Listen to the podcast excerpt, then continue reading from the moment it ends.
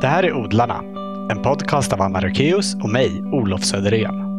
Odlarna ges ut i samarbete med Odlingstv och innan vi börjar vill vi tacka våra sponsorer som möjliggör den här podden. Det är Grönytekonsult AB som saluför japanska verktyg av högsta kvalitet, till exempel silkesågar. Och så är det Nelson Garden. Stort tack båda två! Att stadsodling blivit allt mer populärt de senaste åren har väl knappast kunnat undgå någon.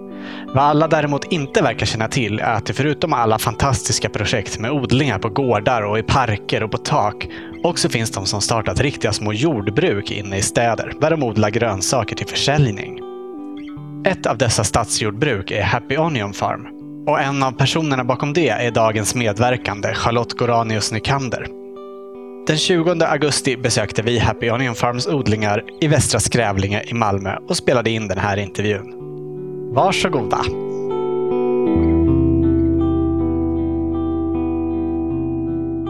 Det ska bli jättespännande att få höra om er verksamhet.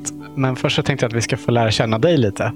Ja, Var växte du upp någonstans? jag växte upp i Lidköping i Västergötland. Inte Linköping då, som de flesta ofta brukar blandar tro. Ja, den heter numera Lidköping vid Vänern officiellt för att folk ska Okej, förstå. Ja. Alltså det, det är verkligen Ja, stadens det namn. står på skylten i alla fall när man åker in. Jag tror det. Fanns det mycket odling omkring dig när du växte upp? Nej, inte speciellt. Alltså, jag vet att vi odlade, vi hade en trädgård och vi hade lite rabarber och vi odlade någon gång sådana projekt i skolan i tomater i mellanstadiet. Men det var liksom inget som jag tänkte så mycket på. Odling Nej, odling i sig var ingen grej. Natur var en grej mer. Min pappa är en väldigt sån naturmupp och han är jägare. Och, men som jägare gör så går de ju bara mest runt i skogen för det mesta och sitter på en stubbe och eldar och plockar någon svamp och gillar att hänga i naturen. Så honom var vi med en del. Så jag tror att det kanske satte sig lite naturkärlek där. Hur kom det sig att du började odla då? Ja, det bara... Jag började odla för att jag tyckte det verkade lite kul med en kolonilott och jag tyckte att det verkade lite gött att odla sin egna, ja men någon tomat på balkongen och sådär. När satte du igång med det? Ja, det var ju nu kanske en fyra, fem år sedan någonting. Måste det vara. Fem? Ja. Så då fick jag dela kolonilott med en kompis som hade, som liksom varnade mig, ta nu inte en egen. Kom istället och hjälp mig, för det behöver jag. Mm. Så det var bra. Och sen när vi hade gjort det ett tag så kände vi båda att så här, hur ska, det här är ju, vi borde kunna utöka det här. Kunde vi jobba med det här? Hur ska vi göra? Ska vi ta en till kolonilott? Men det blir inte tillräckligt och dessutom får man inte egentligen sälja. Inte i Malmö i alla fall. Så då av en slump så hittade vi liksom, vi, vi, vi jobbade på med det där och försökte komma på hur vi skulle göra och vad vi ville med odling. Och sen i samma veva så var jag, hade jag ångest för livet och höll på att plugga jättemycket spanska för att jag kunde en massa spanska från att ha bott i Latinamerika hit och dit. Och tänkte att jag skulle bli lärare tills jag insåg att då skulle jag behöva jobba i skolan, eh, vilket jag inte alls kände alltså, verkar så kul. Det verkar jättejobbigt. är ju ofta och, där. ja, ja, de gör ju det. Jag vet inte varför jag inte hade tänkt på det. Eh, jag hade väl inte tänkt på vad det skulle innebära riktigt. Och så försökte jag hitta meningen med livet och då hittade jag eh, Holma folkhögskola som eh, erbjöd för första gången en kurs i eh, ekologisk stadsodling i Lund. Ja. Och det var bara som att men jag läste beskrivningen där och allt och, och jag bara kände, men gud, det här är ju för mig. De har startat en kurs för min skull. Det här är perfekt. Så sökte jag det i panik. Det var jättenära kursstart. Och liksom skrev något otroligt eh, bönfallande brev om att snälla, jag måste få... Och, sådär. och så fick jag komma med. Hur var den utbildningen då? Den var otrolig. Det var det bästa jag gjort i hela mitt liv. Det var jättemycket praktiskt. Mest praktiskt och även lite teori såklart. Men alltid i koppling till praktiskt arbete. Och då var det ju första året, så vi var ju med liksom från att det var ingenting. Att bygga upp odlingarna och se allt, allt från första början. Vi byggde upp polytunneln, eller växthuset, som var otrolig, ett otroligt arbete. Och allt liksom, och, och såg att det här går ju. Och man kan odla jättemycket mat på ganska liten yta. Och det här måste jag få göra mer. Så då liksom börjar det här, oh, hur, hur, jag måste få jobba med det här. Och så nästlade jag mig in på ett eh, stadsodlingsprojekt med Stena Fastigheter i Malmö som ville odla med barn. Ja. Och började med det. Och, och tänkte att det här är, det här är nog grejen. Liksom. Det här kan man ju jobba, för då kan man ju jobba med odlingen. Och det var jättegivande och alla barnen var ju så otroligt duktiga. Och, och det är så fint att se, för de flesta människor kan på något sätt det här. Liksom. Man kan odla om alla blir lika glada när ett frö börjar växa Om man ser vad det blir, oavsett vad det blir. Och Det var så himla härligt. Men eh, efter ett tag så märkte jag att det här blir inte så mycket odlande av. Det är mest det sociala och försöka ta hand om alla relationer som blir här och alla problem som uppstår. Och, och då kände jag att jag vill ju odla mat. Det är ju det jag vill. Du vill odla själv mer än Ja. att hjälpa barnen att odla? Ja, faktiskt. Egotrippat nog. Och I den vevan på något sätt så var det här projektet Stadsbruk som vår odling nu ingår i, i Malmö, ute på gator och torg i Malmö och försökte rekrytera odlare. Ja. Och så såg min man dem och sa till mig att du, det här... Och vad är stadsbruk? Ja, Stadsbruk är ett eh, stort projekt som har nu hållit på i tre år och går in i avslutande fas av första perioden som då syftar till eh, att få loss mark i städer till odling och odling på kommersiella grunder för att man ska kunna odla och sälja och liksom skapa arbetstillfällen. Ja. Eh, Så det är väl liksom ett nytt sätt att använda mark i staden och samtidigt som man kan skapa arbetstillfällen också bidra till en grön stad.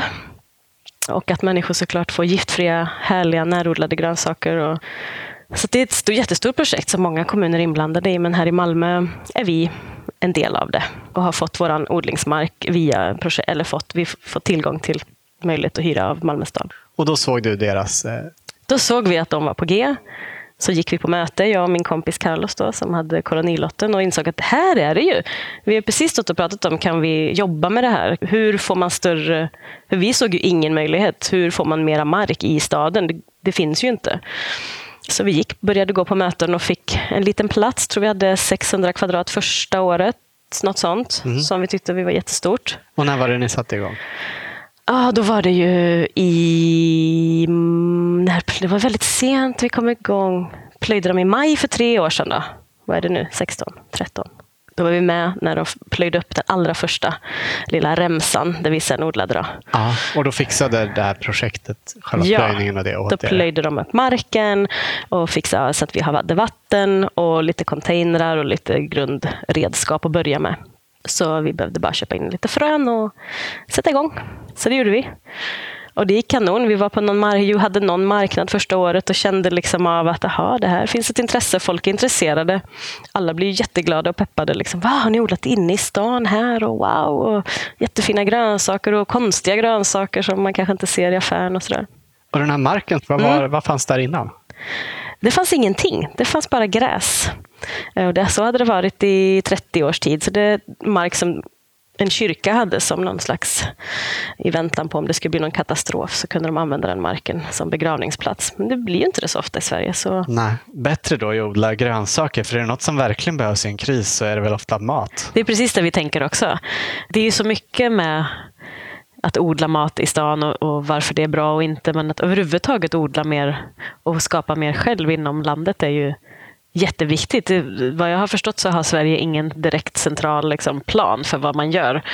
Om det blir en stor kris där, det, räcker, det behöver inte ens hända något i Sverige. Det räcker att det händer något nere i Europa som gör att vägar klipps av och import inte funkar. Då har man i princip några dagar på sig och den mat som finns på ICAs hyllor. Liksom.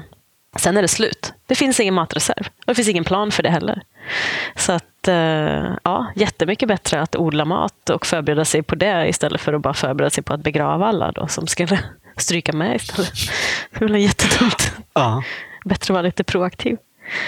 Sen ska man inte stänga i Sverige och vi ska bara vara för oss själva. Det är inte alls det. Men vi, det är bra att kunna föda sig själv i en kris. Och vi skulle ju kunna föda jättemånga fler människor alltså, om vi odlade mer. Ja. Vi skulle kunna vara många fler i Sverige. ja, eller hur? Och vi har ju plats, det är ju det. Vi har ju jättemycket plats för människor att bo på. Ja. Så att, eh, det är bara att sätta igång och odla och ge folk möjligheten. Kan vi bli många fler. Ja. Och ha det mycket bättre då tillsammans också. Det är ju jättebra. ja. Men ni har utökat lite från de här 600 kvadrat ni hade från Ja, det har vi verkligen gjort. Nu har vi 2250 kvadrat i samma område. Så det är ju en helt annan femma. Ja. verkligen. Och det är du och Carlos. Är han med fortfarande? Carlos är inte med längre. Han har tyvärr varit tvungen att sluta i år för att han var tvungen att ta ett annat jobb som han fick ett erbjudande om. Så nu är det jag och eh, en tjej som heter Isolde. Och vi var grannar, odlingsgrannar första året. Och sen slog vi oss alla tre tillsammans för att vi insåg att vi hade lite samma idé och tanke. Och det är mycket bättre att vara fler, för det är ju väldigt mycket jobb. Men så nu är det jag Isolde och ett gäng glada volontärer faktiskt som vi har hittat i år och fått ett jättebra samarbete med. Ja, som hjälper till bara för att det är kul att odla? Ja, de får ju grönsaker såklart. Och eh, de får ju vara med och lära sig att odla och lära oss att odla. Och många har sina erfarenheter. De flesta förväntar sig inte någonting. De är bara glada att få vara ute och sätta fingrarna i jorden och allt det härliga som det gör med en människa. Vi har haft jättekul. Det har ju också gjort att det har blivit lite av ett socialt eh, projekt för oss, även om inte det var syftet. Men vi har ju träffat fantastiska människor med otroliga erfarenheter. Många som ju kommer är ju redan intresserade av odling och har varit runt och rest runt och sett i hela världen olika odlingar och sådär. Så de kommer ju med en erfarenhet som är ovärderlig för oss också. Kan berätta liksom, ja men där jag var i Costa Rica, där gjorde de ju så här. Och, så vi lär oss jättemycket av varandra. Ja, kul. Och vad odlar ni för olika grönsaker? Ja, vi går ju alltid bananas när vi ska köpa frön. Så nu tror vi har 60 olika grönsaker och typ 120 sorter. Då. Så det finns ju flera av chili och flera av betor och sådär. Så det är allt från potatis och eh, morötter och rödbetor och gulbetor och polkabetor till alla möjliga kålsorter och rädisor och sallader och bondbönor, vaxbönor. Det mesta. Pumpor, zucchini och ätbara blommor en del. Jag försöker slänga in det lite här och var. Det är så himla fint och mysigt. Sköter ni allting helt för hand? Eller har ni någon maskiner och sånt där? Vi sköter allt för hand förutom det finns möjlighet via projektet att få plöjt på åkern på höst och, och vår. Och det har vi haft hittills. Sen har vi investerat i en hjulhacka, men den är ju, liksom, man går ju med den, håller den i handen och drar den med sin egen kraft. Så lite sådana hand, hand, större handverktyg försöker vi hitta. Och eh, jättespännande att testa olika Ja. verktyg. Men vi sköter allt för hand och har väl någon idé om att vi önskar lära oss mer om hur vi kan täckodla på den här lite större arealen och försöka liksom minska ner på arbetet. Det är ju det här med ogräs, det är ju konstant. Det är det största Ja, det är ju hela jobbet. tiden. Tistlar. Vi har så mycket tistlar. Det är helt sjukt. Använder ni bara ekologiska metoder? Ja, det gör vi. Vi försöker jobba så naturligt och giftfritt som det bara går. Och vi är ju inte kravmärkta, men det gör ju att vi inte egentligen kan säga att vi har ekologiska grönsaker. Men eh, vi kallar dem för giftfria, för det är de. Och det ger också en lite mer starkare signal om vad de andra icke-ekologiska grönsakerna är. Nämligen giftfyllda då, eller vad man ska säga, eller giftiga. Liksom. Ja. ja, det är ju galet att man kallar dem för konventionellt Det är odlade. jättekonstigt. Det Ja. borde ju vara tvärtom. Ja. Men använder ni bara ekologisk gödsel och sånt också? Ja, i år har vi inte eh, haft någon gödsel alls. Projektet Stadsbruk erbjuder eh, att man kan få gödsel spritt och då är det ekologiska eh, olika. Nu kommer jag inte ihåg vad, de, vad det har varit i år, för vi har inte tagit del av det. För att där vi var nu har det gröngödslats, så det har växt eh, gröngödsling där de senaste två åren som då projektet har hela tiden arbetat och plöjt ner. Så det var jätteväl gött där. I väntan på att någon skulle Precis. ta sig an den marken? Precis. Så för Ah, att hålla ja. undan ogräs och preparera marken med näring. Och det har räckt med den näringen? Ja, verkligen. Det har det verkligen gjort. Det var ju också bara gräs, liksom vall innan. Och det plöjdes ju ner första året. Och det har inte varit någonting där innan på 30 år. Så det är en jättefin, härlig, mustig lerjord. Så nu försöker vi liksom fortsätta på den banan också med gröngödsling och hur vi ska Ja, för ni hade en del gröngödsling på, Ja. på en del av marken också. Det blir ju plättar som vi inte har hunnit odla på. Eller plättar där vi har skördat allt och inte fått ner något nytt. Så då slänger vi ut frö med klöver och vicker och allt möjligt. För att försöka ja, dels kväva ut de otäcka ogräsen men också se till att vi får näring till nästa år. Ju. Är det mycket problem med skadegörare som eh, sniglar och Nej. kaniner? Eller Ja, kaniner är ju grejer? väldigt eh, heta på våra grejer faktiskt. Men vi har ju stängsel runt som Mm. projektet har fixat. Sen har vi även nu i år inskaffat ett eh, riktigt kolnät som vi även har sallad under. Som gör att kaniner inte kommer åt. Men eh, kaniner är ju rätt många. De ser man ju liksom varje gång man är där. Men det är lätt avhjälpt genom att bara täcka. Sniglar, kors i taket, har inte riktigt hittat oss ännu. Eftersom det inte har odlats något på den här marken på 30 år så har de ju inte haft där att göra något där att äta. Liksom. Nej. Nu vet vi, nu börjar de krypa fram. Vi har sett några liksom, och de kryper ut ur några buskage längst ner och de är ju på väg men det är ju inte... Ja, nästa år kanske. Mm. Det här stängslet som de hade satt Ja. upp, det är ju ganska lågt. Ja. Kommer det inte in rådjur? Alltså det verkar inte vara några rådjur där. Nej. Jag vet inte. Det, de kanske är skrämda av att det faktiskt är stora vägar runt omkring. Än så länge har det inte varit något problem. Nej. Men eh, ja, kaniner, kaniner glufsar i sig så fort. Det går inte att lämna öppet en dag. Liksom. Vi hade sått lite sojabönor och så var det några här som vi hade visst glömt att täcka. De är ju alla avknipsade nu totalt. Mm. För de tar sig under det här stängslet. Ja, alltså stäng... Ja, det går ju inte. De gräver ju en liten grop eller vad de nu gör. Eller hål och Mm. skuttar in. Liksom. Det går inte att hålla dem undan. Det är täcka, täcka, täcka med duk eller nät eller någonting. Och det gräver de sig inte in under? Nej, Det är ju konstigt faktiskt. Det borde de ju verkligen göra. Men nej, det gör de inte. Nej. Än så länge. Men det är ju bara en tidsfråga. Till slut fattar de ju. Det är ju alltid någon fågel eller... eh, Ja, fåglar är ju också såklart. De käkar ju. Så fort man sår en böna så kommer de, får man ju täcka direkt. Ja. Ja. Det är ändå en ganska enkel åtgärd att bara täcka med duk eller nät. då. Funkar bra.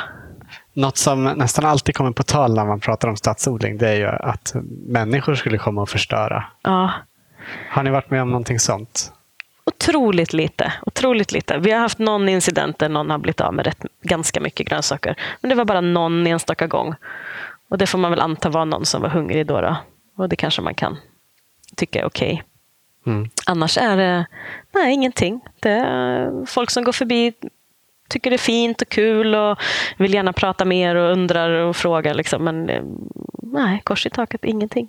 Vad skönt. Jätteskönt, för det är ju det är också en skräck för en själv. Skulle det vara så att någon plötsligt får lust att bara vandalisera eller plocka av allting, då är det ju, då är ju det slut för oss. Då är vi ju helt rökta. Då är vårt företag bankrutt. Men faktiskt, det folk gillar det ju. Liksom. Det är ju härligt. Det är en jättefint inslag i, i stadsbilden. Och det är ingen som klagar och gnäller om att det skulle vara deras hundrastplats eller något och som man kanske trodde innan att folk skulle tycka. Men det finns gott om parker runt omkring också. Så det finns plats för alla. Ja.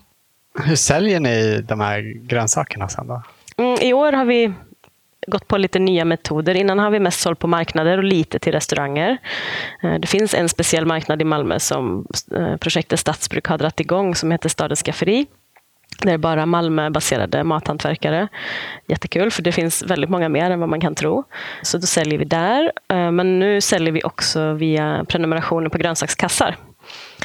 Någonting som vi märker är jättekul och det finns ett jättesug efter. Och det blir himla mysigt. Man får en mycket mer personlig relation. Man får små mejl hela tiden när folk har tagit bilder på vad de har lagat av den grönsakskassen. Och det är jättekul och det är också väldigt smidigt för oss för vi vet vad vi ska skörda och vi vet när vi ska skörda och vi vet att det är sålt. Så det blir inget spill. Liksom.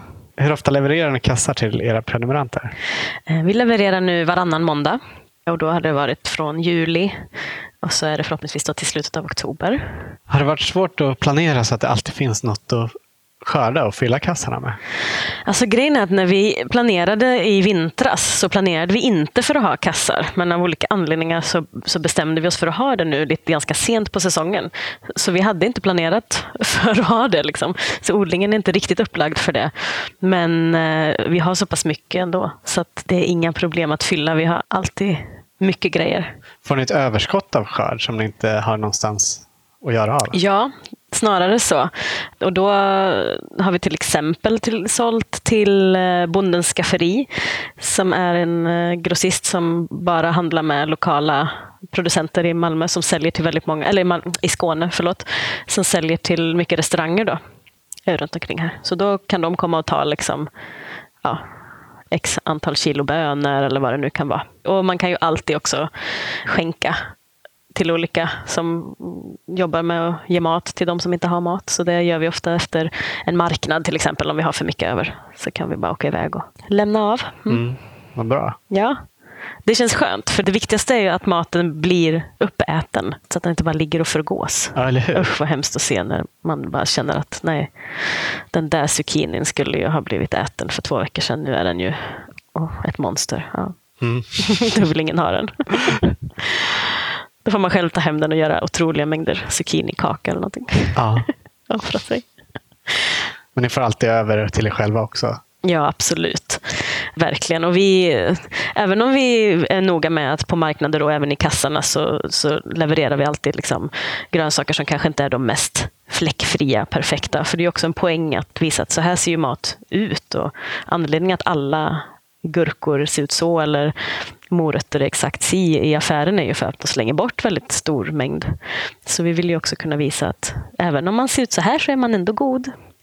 Men de, det som är riktigt kanske förvuxet eller riktigt, inte riktigt hundra, då tar vi det själva. Så vi har mycket mer att äta än vad vi också själva klarar av att sätta i oss mm. under högsäsong. Som tur har jag en man som är kock som kan hitta på mycket kreativa sätt. Så det är jättebra. Vilken bra match. Ja, det är otroligt bra. Ni kan ju bara gissa vart drömmarna bär hän.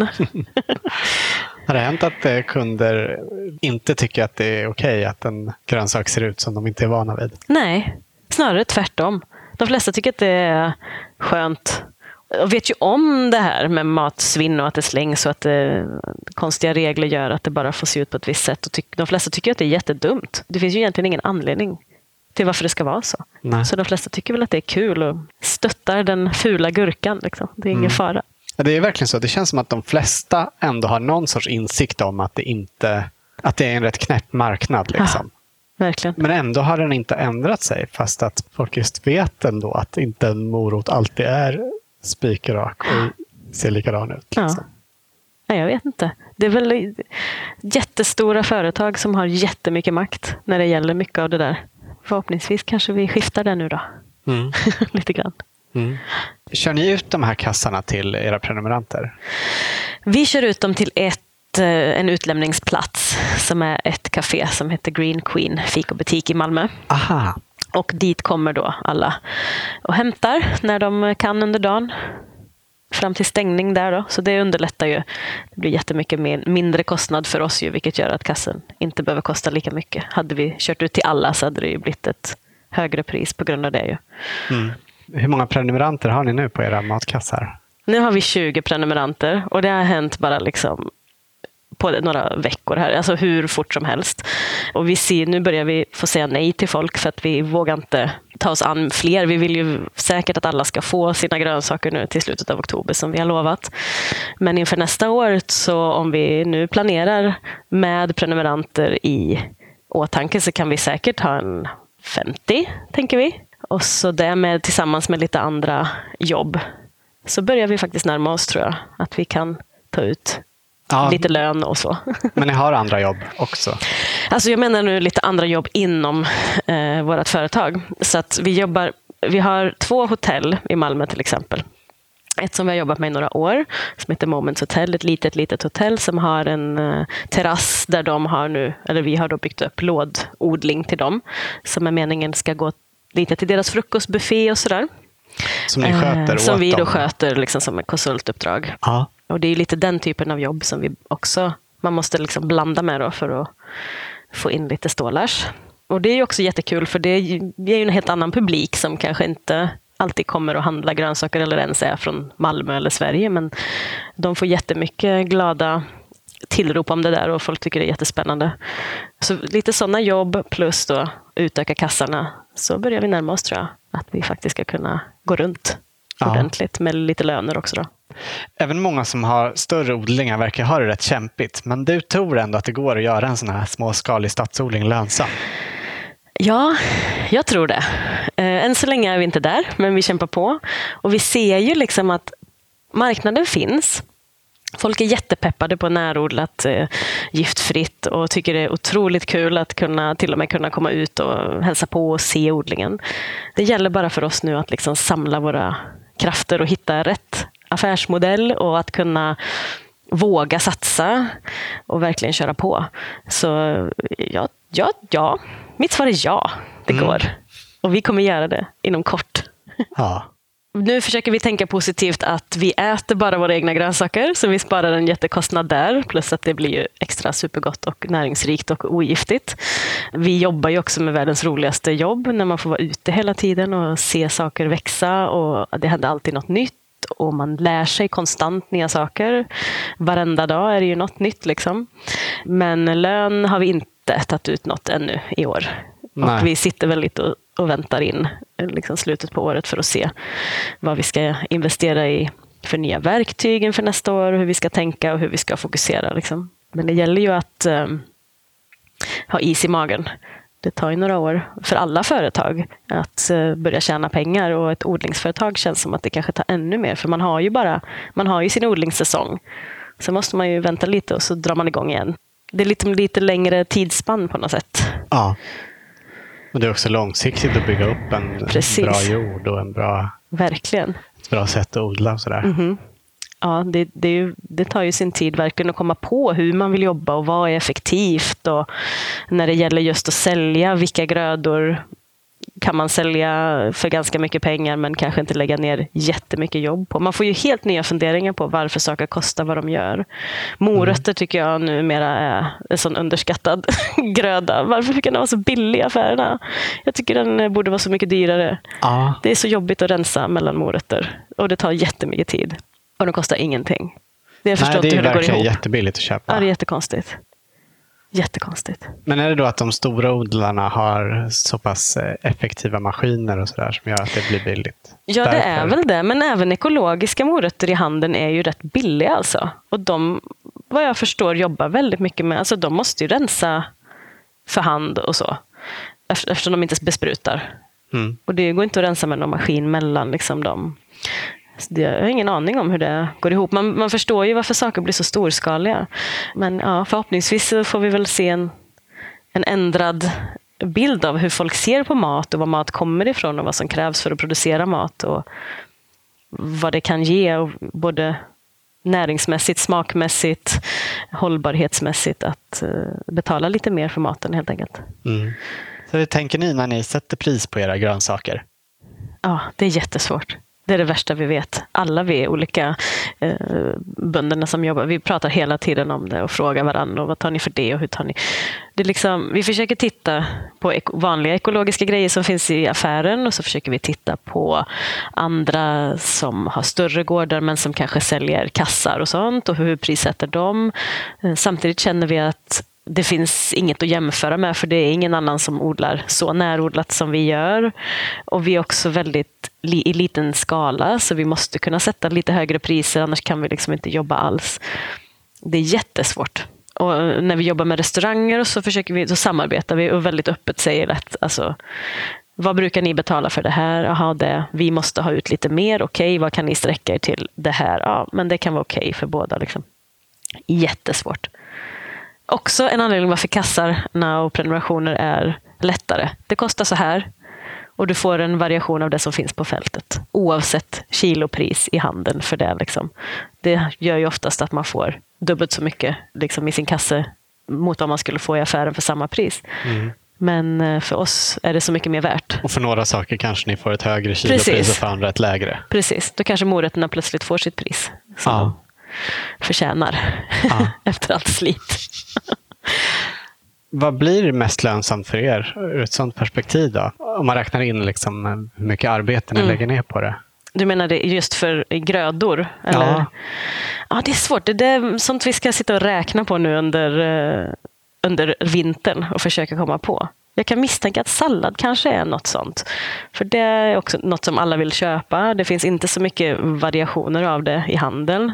Vi kan Nej. odla jätteroliga, fina, vackra, goda, väldigt olika sorter. det är också något som folk känner igen och känner till och använder i sin dagliga konsumtion. Liksom, så att det köps väldigt mycket på marknader. Och det krävs inte jättemycket faktiskt arbete. Nej. Om man jämför till exempel med morot, som känns som att det krävs otroligt mycket mer. Sallad kan man bara blåsa förbi med hjulhackan liksom och, och hacka loss, så är det ordnat. Men jag vet inte, det blir också en helt nytt tänkesätt om man ska tänka på att göra kassar eller sådana prenumerationslådor. Att man börjar liksom se en helt annan... Ja, men då, bondbönor som är jättedyrt i handeln, men det är ganska lätt att odla. Då är det värt att satsa på liksom för oss. Och det är jättehärligt och matigt för kunderna att få i sin kasse. Och, då behöver vi inte bry oss om att det kanske är svårt att sälja det på en marknad för att det är ett pillgöra och plocka och det blir dyrt i kilopris och sådär. Ah, ja, för i kassen får de köpa det oavsett. I kassen får de det de får. Liksom. Precis, ja. det är åt båda hållen ju. De får ju köpa det oavsett. De och det spelar ingen roll för oss. att alltså, Står man på en marknad så behöver man ju på något sätt anpassa sig till marknadspriser runt omkring en. Det blir jättekonstigt. Och inte göra det alls. Eh, Medan i påsen så spelar inte det någon roll, utan det är bara ju mer roliga grejer och goda grejer och matigare grejer man kan få ner där, desto bättre. Och varför inte satsa då på jättemycket bondbönor som inte kräver så mycket arbete? Nej. Men samtidigt måste det ju vara så att det känns för kunderna som att de får valuta för pengarna. Ja, liksom. precis. Ja, men det är det jag menar. För till exempel bondbönor är ju jättedyrt att köpa. Men det spelar då, ingen, då spelar det ingen roll för oss. Vi kan slänga ner mycket av det i kassen. Och det gör ingenting. Vi känner inte att så här, oh nej, nu, nu har vi förlorat pengar. Utan att det är inte så mycket arbetsinsats ändå. Det är jättevärt för oss att odla det. Eh, och vi ska... ja, det är väl något av det lättaste man kan odla? Ja, nästan. och en annan sån sak är ju jordärtskockor som ofta är rätt dyrt i handeln. Ja obegripligt. Det är ju ett ogräs som bara växer. Som, och, och man behöver inte göra någonting. Det är bara att hämta upp dem. Jag, alltid trott, jag trodde liksom, innan jag började odla trodde jag att jordärtskockor var en jättesvår grej att odla. Det är så man kanske tolkar det då när man ser priset i affären. Ja. Sen inser man att man behöver inte ens odla det, det är bara att odla sig självt. Man behöver bara plocka upp det. Ja, det, konstigt, det kan vi ha massor och det gör ju inget. Då, då kan en, I kassen kan man få jättemycket jordärtskockor och bondbönor och andra saker. Och det känns supervärt liksom, för alla parter. Ja. Det känns ju också som ett jättekul sätt att få folk att upptäcka nya grödor. Jag vet, vi hade någon sån här ekolåda hem ett tag som kom varje vecka och då fick man hem saker som man inte hade valt i butiken. Absolut, det är fantastiskt. Och det är också det som folk reagerar jättemycket på, både på marknader och med kassarna. Som till exempel har vi en liten gurka som vi brukar odla som heter Crystal Apple. Och, eller Crystal Lemon, som är rund och mm. gul. Mm. Och det, det, är liksom, det är så fascinerande och alla blir så glada av den här lilla runda gurkan. Det är ingen som har sett förut och den är jättegod. Oh, det är bara en gurka. Men den är, det är jättehärlig. Och bara som nu senast i kassan så hade vi fänkål. Aha. Och då hade vi ju liksom fänkålsdillen, de här ja, dilliga grenarna kvar. För det är ju jättegott att ha i matlagning också. Och vi tänkte inte ens på att det, liksom, det finns ju inte med när man köper i affären. Så Nej, många har aldrig ens sett det. Så då fick vi något mejl. Ja, hej, jättefin kasse, men vad är det här dilliga konstiga som är med? Ja, det är fänkål. Liksom. Det, jättekul att få se hur allting är. Undrar varför de tar bort det alltid? Jag på vet den som... inte. Är det att det inte håller sig så bra kanske? Jag att vet. den snabbt ja, kanske, vissnar, men liksom. vanlig dill säljs ju. Liksom. Mm. Och det vissnar ju lika snabbt. Det kanske bara är en så paketeringsfråga. Det, blir inte, det tar för mycket plats. Ja. Jag har ingen aning. Det är, det är supergott. men när ni har stått och sålt på marknader och sådär, mm. är folk då väldigt eh, traditionella med vad de, vad de köper? Både och. Alltså, man märker ju att det som nästan alltid säljer bäst är morötter, rödbetor, sallad. Saker som alla vet vad det är. Liksom. Men det gäller också att ha då en variation på det. Så att morötter med olika färger, olika typer av betor är alltid jättepopulärt. Att liksom se saker som man ändå känner igen, men en annan variant. Mm. Det känns som att det är det som är mest. Sen finns det ju alltid matnördar som alltid vill köpa de allra mest knasiga grejer och sådär. Och kan man själv berätta något jättebra recept på hur man tar hand om mangold eller bondbönor så kan man ju sälja det nästan till vem som helst. Eller att man skivar upp en kålrabbi och låter folk smaka. Det är ju det allra bästa med saker som man kan smaka på. För då, då går det alltid upp ett ljus och så försvinner det på fem minuter. Men mm. Det behöver vara de här vanliga också. Ja. Vet du hur många odlare ni är inom stadsbruk som håller på med det här idag? Åh, så svårt att mm, hålla koll på alla. Det kommer, tillkommer ju och hoppar av lite här och var. Men kan det vara en oh, 10, 20 företag kanske i Malmö? Eh, sen är det ju flera stycken oftast involverade i varje. Då. Men det är ett gäng. Mm. Ja. Säljer de flesta på marknad? Så det är både och. De flesta, många är med på marknaderna. En del har eh, kanske satsat mer bara på restauranger, så folk som har sådana kontakter mer. Och Sen finns det även någon restaurang som själv odlar liksom, till sig själv. Då, som försöker att gå den vägen. Så det är alla möjliga olika. Men marknaderna är nog den största för de flesta. Det måste ju vara väldigt roligt att få träffa kunderna. Ja, det är det ju. Det är jätteroligt och det är därför vi står på marknaden överhuvudtaget. För att det är väldigt mycket jobb ju med att skörda tidigt på morgonen, vara där hela dagen och sen kanske ha grönsaker över. Det är inte det bästa kanske försäljningssättet. Men det är ett otroligt bra sätt att träffa folk och eh, det är också där vi har träffat många av våra prenumeranter och, och få visa och prata och berätta. Det är det bästa sättet att förmedla. Det är också väldigt svårt eh, att, för folk att verkligen förstå att vi odlar faktiskt här i Malmö och vi odlar all den här maten. Och det är jättemycket mat och det är jättegod mat. Och man, för man har inte det i sitt tänk, liksom, att det skulle vara möjligt. Det är inte den bilden man har av var mat kommer ifrån kanske. Och man ser ju inte heller våra odlingar faktiskt om man inte råkar befinna sig just i det området där de är. Man tänker inte på att det finns så mycket plats över som man bara kan använda och odla mat på. Och man tänker inte heller på, eller man kanske inte ens vet att det går att odla chili och gurka och vad, vad det nu är. Liksom bara så här ute, ute utan växthus, utan någonting. Nej. Ja. Så det är en otrolig möjlighet att kunna förmedla det. Att jo, men det här går. Häng med. Vi kör. Tillsammans, alla. Tror du att det finns marknad för många att eh, odla på det här sättet? Ja, det tror jag. Jag tänker att om vi har Säg att vi skulle ha 75 liksom, prenumeranter. Det är ju en väldigt liten del av alla människor som finns i Malmö. Mm. Så det skulle uppenbarligen många till kunna göra samma sak. Så jag tror att stats, alltså så länge det finns mark. Jag tror nu när stadsbyggsprojektet började i Malmö så hade Malmö stad inventerat 17 hektar eller något sånt där inom då staden som man skulle kunna använda. Sen är kanske inte all den marken ultimat, det är det de hela tiden jobbar på att se. Men, och så måste det ju vara överallt. Det finns ju massa mark och det finns massa folk som vill odla och det finns massa folk som vill äta. Det är också det, man, det här är ju något som hela tiden behövs mer. Det är inte så att du köper en tomat så behöver du aldrig mer köpa en tomat. Du vet, upp den, du vill köpa en till. Jag tror jättemånga skulle kunna jobba på det här sättet. Sen tror jag också att det finns, det finns ju andra sätt att jobba liksom, till exempel tillsammans med restauranger när det gäller att sälja till restauranger då, så har vi märkt att det är lite svårt om man, bara, om man har väldigt många och man bara slänger ut att nu har vi bondbönor. Liksom. Det är inte säkert att någon nappar eller ibland vill alla ha samtidigt så har man inte tillräckligt och det blir liksom konstigt och det mm. finns ingen garanti. Och I Malmö finns det ändå ett, ett, gäng som jobbar väldigt mycket efter säsong och är väldigt duktiga på det. Men samtidigt så är de också väldigt små företag oftast och ska, är väldigt pressade ekonomiskt såklart. Det är jättesvårt att driva en restaurang med någon eh, vinst överhuvudtaget. Och vi behöver ju kunna ta ut ganska bra med marginal för oss själva. Så att, ja.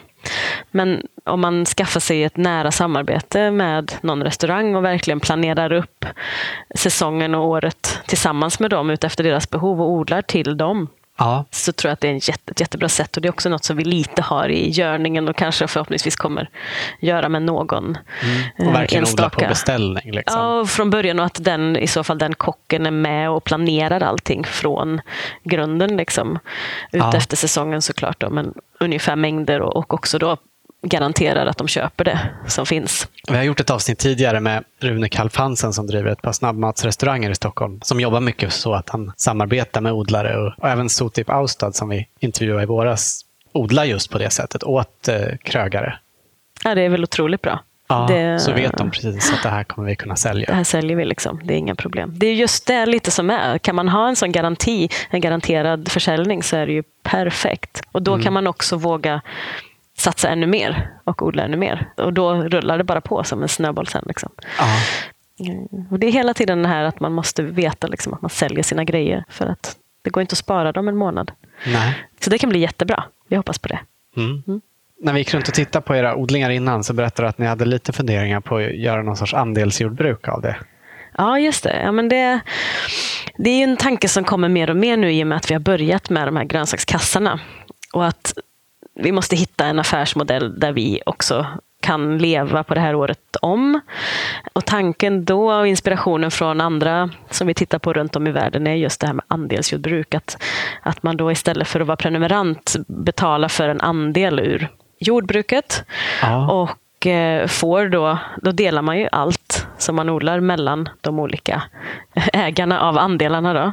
Så om ni har hundra andelar ja så betala varje och så går de pengar till er inkomst och till alla omkostnader. Precis. Eller hur skulle det funka? Jo, men exakt så. Så det är, vad kan man kalla det, ett solidaritetsbaserat sätt att köpa sin mat. Där man köper också, inte bara maten, utan man betalar ju för att bonden ska kunna utföra det här arbetet och leva på det. Mm. Eh, och bara för att det inte finns grönsaker i december, januari, februari så måste ju bonden fortfarande leva den tiden. Och dessutom jobbar man med planering och väldigt mycket runt omkring också då. Så tanken är ju liksom att det här ska skapa möjlighet för en liten jordbrukare att överhuvudtaget existera och vara säker på att man har sin inkomst hela året. Oberoende om skörden går bra eller dåligt så betalar ju folk ändå sin andel då. Ja, och sen får man sin andel av precis, skörden då. Precis, som ju då såklart blir jättemycket under en del månader och lite mindre under andra. Men sen kan man ju spinna vidare och jobba med att man gör inläggningar och försöker ta vara på så mycket som möjligt under högsäsong så att man kan få någonting varje månad ändå. Det finns ju jättemycket. Jag vet, såg något exempel där i december bjöd de på en stor julmiddag på gården eller på jordbruket då, till alla sina andelsinnehavare. Så det finns ju massa man kan göra. Och Det här gör ju också att man som liten jordbrukare, vi kommer ju aldrig kunna anställa antagligen någon mer liksom, kanske än oss själva. Vi hoppas ju kunna anställa oss själva överhuvudtaget. Men då kan man också få hjälp av sina medodlare som de här andelsköparna brukar kallas ofta. När det är större grejer som ska göras. Vilket då också ofta uppskattas av de som får vara med och, och se hur det går till. Ja, att man har det med på något ja. sätt i avtalet med Precis, det, andelsägarna. Ja, att det finns en poäng med det också, att man är intresserad av att se och vara med i processen lite grann. Så det, jag tror personligen att det är ett jätte, jättebra, en jättebra ekonomisk modell för alla inblandade. Vilket betyder att man kan hålla på med det. Man kan verkligen fortsätta att jobba och vara säker på att man har en inkomst oavsett vad som händer under säsongen. Men vi får se. Det är också en stor, liksom, man måste ha en grupp som är, har samma tänk och som kanske också till och med trivs med varann. Och det blir ett jättejobb tror jag, men jättekul om det lyckas. Mm. Och det lyckas på jättemånga andra platser i världen. Så nu är det dags för Sverige. Vet du andra länder eller städer som är framkant när det gäller det? Det känns som att USA och Kanada är ganska etablerade. En som vi tittar mycket på är en, ett ställe som kallas för The Market Gardener. En fransk-kanadensisk man och hans fru. Så det är de två. Och så har de, de har ju två anställda också under högsäsong på halvtid. Eller något sånt där. Och de har ett ganska litet, ja, om det är dubbelt så stort mot vad vi har eller någonting. Och de lever på det här. Och har sina prenumeranter och sina andelar. Så de tittar vi jättemycket på och de är väldigt generösa med information om hur de har byggt upp sitt jordbruk och hur de jobbar och priser och allting. Liksom från, och vilka verktyg de själva har byggt och allt, allt, allt. Och de har en bok och de har en film och de har massa Youtube-klipp. Så där kan vem som helst hitta massa info.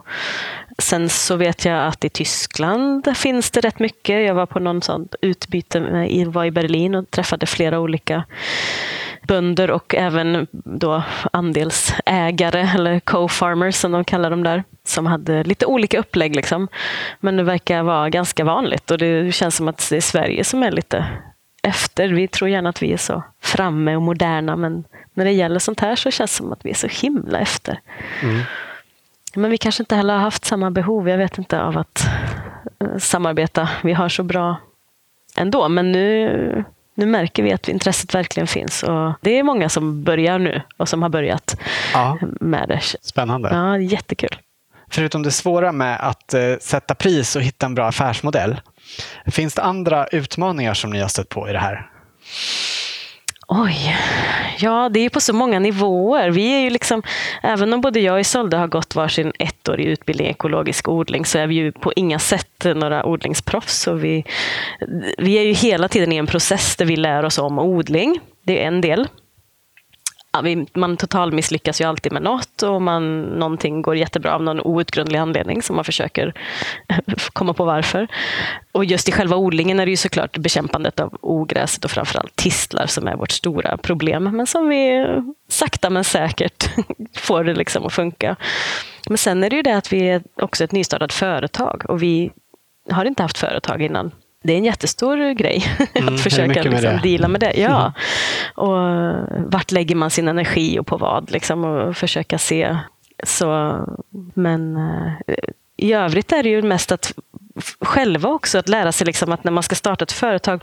Vi har så otroligt mycket idéer, vi har så otroligt mycket drömmar och visioner och, och vi vill bara odla grönsaker åt folket och massorna och det är underbart och, och vi är så lyckliga. Men sen till slut ska man betala hyra också hemma och och, sådär. Och, och hitta då, hur får man ekonomi i det här? Men utan att det blir att man tappar den här lusten och glädjen. Så det är väl där vi står nu, liksom, att vi ser att vi skulle, vi kan nog lyckas med det här, men hur gör vi och hur gör vi det på rätt sätt? Och vad är det egentligen vi vill? Vad är grunden och kärnan i det vi gör? Mm. Och utanför det såklart så är det ju också alla så byråkratiska grejer med marken vi har. Och den har vi då, nu är vi ju inom det här projektet Stadsbruk som som tur är sköter all, allt snack med Malmö stad och alla sådana här bitar. Men samtidigt så vet vi bara ett år i taget. Vi, har hyra, vi hyrar marken ett år i taget. För det är så det funkar liksom för Malmö stad. Och, och då vet vi inte riktigt hur mycket kan vi satsa och perenna grejer som man ju egentligen borde satsa på såklart. Vågar man inte riktigt kanske då för att man inte vet, är man kvar, är man inte kvar och sådär. Nej. Men jag vet inte, alla problem känns ändå som att de överskuggas av hur otroligt glad man blir när man bara kommer ut och börjar mm. jobba och går runt och tar en böna. Härligt. Och tänker att det här är ändå meningen med livet. Man ser också när du pratar om det att det nästan lyser i ögonen. Ja. Du ser så glad ut. Vad betyder det för dig att få hålla på med det här och odla? Gud, det betyder allt. Nu, jag, nu, är jag liksom kommit, nu har jag kommit till en plats där jag vet inte vad jag annars skulle göra. Jag kan inte tänka mig att vara tvungen att göra något annat. Jag hoppas att jag inte ska behöva göra det heller. Nej. Det betyder att jag får jättemycket energi. Man är ju jättetrött såklart efter en dag på fältet, men man, samtidigt har man ju energi och det, man får jobba med kroppen. Vilket man känner att det är det som är meningen. Liksom. Det är det kroppen är till för. Den vill ju det. Det betyder också att man får syssla med något som känns meningsfullt i en större perspektiv. Man får vara med och, och skapa en, den värld som, som i alla fall jag drömmer om, där mat är utan gifter och odlad nära där man bor och där det uppskattas jättemycket. För det gör den ju av alla våra fantastiska kunder. Jag kan ta hem jättehärlig näringsrik mat till mitt lilla barn. Det känns fantastiskt. Det känns som att det här är framtiden, tycker jag, för städer. Om städer ska finnas så måste de få bli gröna och de måste få ha en ganska stor del produktion av mat också. Sen visst, jag, jag förstår ju att nu har vi 20 prenumeranter, liksom. vi kan inte försörja hela Malmö. Men det är så mycket mer än det. Det är också bara själva kontakten med vad matproduktion är och var maten kommer ifrån och vad som krävs. Och vad som inte krävs, för vem som helst kan också så någonting och odla liksom någonting hemma vart som helst. Det är en otrolig fröjd. Man känner sig ju... Skillnaden mellan... Jag tror många människor känner, om man tänker människa och natur, så är ju liksom naturen något som människor är i och använder sig av. Men ju mer man håller på med odlingen så märker man ju det självklara då att man ju är en del av naturen. Man är bara en liten, liten bricka i det här stora kretsloppet. Och det är jätteskönt. Det känns som att det är det som är meningen och själen känner det. Alla tycker ju det, som, även om man inte kanske älskar att odla, men att bara få vara ute i naturen. Man mår ju bra av det. Varför ska man inte vara det då? Klart man ska vara. Mm. Känns det aldrig stressigt att hinna ta hand om alla odlingarna? Jo. Eller inte själva ta hand om odlingen. För det är det som också är så skönt. Man kan vakna fyra på natten och i panik och bara säga nej, har vi verkligen tillräckligt med eh, det vi har lovat till det här eventet som ska vara på måndag? Oh my god, hur ska det gå? Men så fort man kommer ut så känner man bara lugnet och hur stressen rinner av en. Och det ordnar sig och det blir bra. För det är också någonting med odlingen som gör att man kommer in i ett annat tempo. Alltså, det är klart man är stressad och det kommer ogräs och det är det och det ska skördas bönor i tid för de väller över sina plantor. Men samtidigt så är det också så här är naturens gång.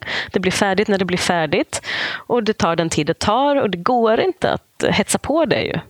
Och Det tror jag är något som är otroligt nyttigt för människan i dagens samhälle. Där allt bara ska gå fortare och man stressar och man håller på. Det, ja, jag kan ju vara stressad men jag kan inte stressa fram eh, ett resultat. Så det är liksom ingen idé. Det är bara att sätta sig ner och planera då. Det är det så man får undvika stressen. Mm. Kan ni någonsin ta semester från det här? ja, jag var så fräck och tog semester i somras här nu i tre veckor. Men det ska jag inte göra nästa år. Det var inte så snällt. Men jag, jag var tvungen att åka på bröllop och grejer. Ja. Långt borta. Men då var Isolde där och tog hand om alltihop? Då var Isolde här och som tur var så hade vi också då ett par eh, volontärer som hjälpte henne. Ja. För att eh, det hade aldrig gått att lämna det helt i tre veckor, liksom i juli när det var jättevarmt. Och, Nej, hur länge kan ni lämna det helt och hållet? Jag tror inte vi vågar lämna det speciellt länge. Nej, vi lämnar inte. Faktiskt. Inte båda samtidigt. Det måste vara någon hela tiden som håller koll och vattnar. Och... Semestern eh, kommer väl då i januari, februari någon gång där. Det blir bara inte just då när alla andra tar semester. Men jag, jag har aldrig förstått det heller med att folk vill resa bort på sommaren. Det är den enda gången man faktiskt vill vara i Sverige och njuta. Det är jättekonstigt. Varför skulle man då vara någon annanstans? Mm. Och eh, som att vara i odlingen och jobba. Vi får liksom, jag och Isolde, vi får ofta så här, skärpa oss och bara, nej men vi jobbar nu. Alltså, det här är vårt jobb. Vi måste komma ihåg det också. Det, vi glömmer det. Vi tror att vi bara håller på att ha det härligt. Mm. Och då kan man glömma att man ska ta betalt för sitt jobb. och sånt det, det, man måste liksom... Det är bara det att det är så overkligt. Jag är i alla fall van vid tanken på att arbete är ju slitsamt och hemskt och jobbigt och det vill man ju helst slippa ifrån. Alltså gå hem så tidigt man kan. och så där. Eh, men så är det inte nu. Nu vill man bara vara kvar. Och åka mm. dit på söndag också. Och, och tänker på det hela tiden, fast på ett härligt sätt. Är ni där varje dag? Nej, det är vi inte. Nu, har vi, nu jobbar vi på fältet måndag, onsdag och fredag. Och så jobbar jag tråkiga kontorsgrejer på tisdagar. Så vi är inte där varje dag. Vi, hade, vi vill vara där varje dag. Och förhoppningsvis kanske vi är det nästa år. Eh, eller ja, fem dagar i veckan då, i alla fall. Man måste ju också vara ledig. Mm. Det är ju viktigt när man jobbar med något som man älskar, att man skärper till sig.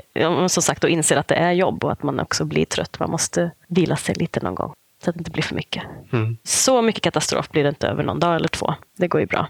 Om någon som har hört det här nu känner att jag vill också, tror du då det är lätt att få göra något liknande projekt?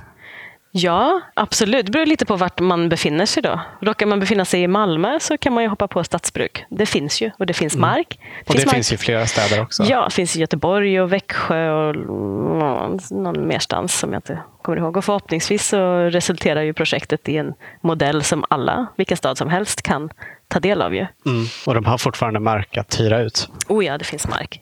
I Malmö mm. i alla fall. Då. Sen vet jag inte i de andra städerna. Men det kan jag inte tänka mig något annat. Men då blir de era konkurrenter också i så fall? Ja, det blir de ju. Men du vet, det är också så här, ju fler man är, desto större blir marknaden.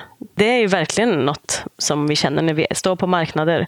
Om vi är, ju fler vi är, desto fler kunder kommer det. Det är snarare bara jättebra när det kommer fler. Då kan man lära av varann och man kan dela verktyg och man kan liksom sprida ordet tillsammans. Det blir mycket lättare. Det blir på något sätt bara en snöbollseffekt. Mm. Är det någonting mer som du tycker att vi borde prata om?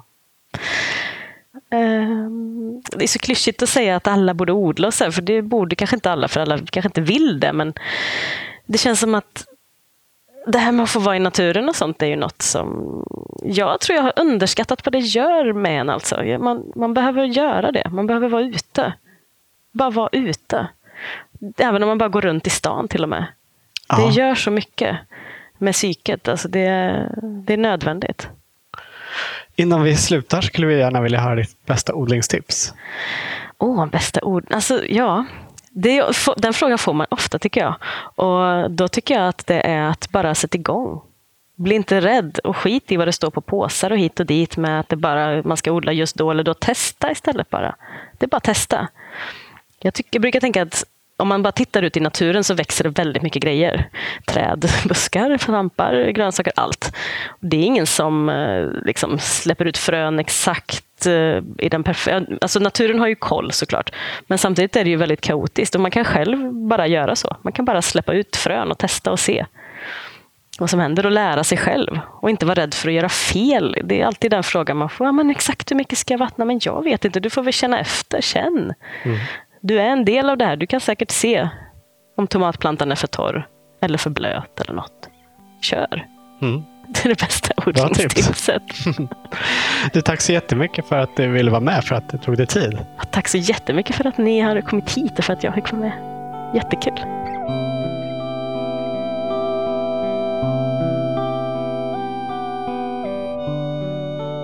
Du har hört Charlotte Goranius Nykander i Odlarna. Om du vill kan du följa Happy Onion Farm och vad de har för sig på Instagram och Facebook. Sen vi spelade in intervjun har det också blivit klart att Happy Onion Farm kommer att starta ett andelsjordbruk 2017. Bor du i Malmö och är intresserad av att få ta del av en massa giftfria och mycket närodlade grönsaker så kontakta dem på happyonionfarm@gmail.com. Projektet Stadsbruk finns det också en bok om som heter just Stadsbruk av Anneli Evers och Lena Friblick. Och tyckte du att det lät intressant det där om odlare och restauranger i nära samarbete så kan vi rekommendera Odlarna avsnitt 14 med krögaren Rune Kalfansen och avsnitt 20 med den fantastiska odlaren Sotip Austad. Tack för att du lyssnat och stort tack än en gång till våra sponsorer Nelson Garden och Grönyte Konsult AB som möjliggör den här podden. Redaktör för Odlarna är Anna Rökeus. Jag heter Olof Söderén. Vill du följa oss och vår odling så kan du göra det på thewaveswemake.se spenatistan. Vi hörs snart igen. Hej då!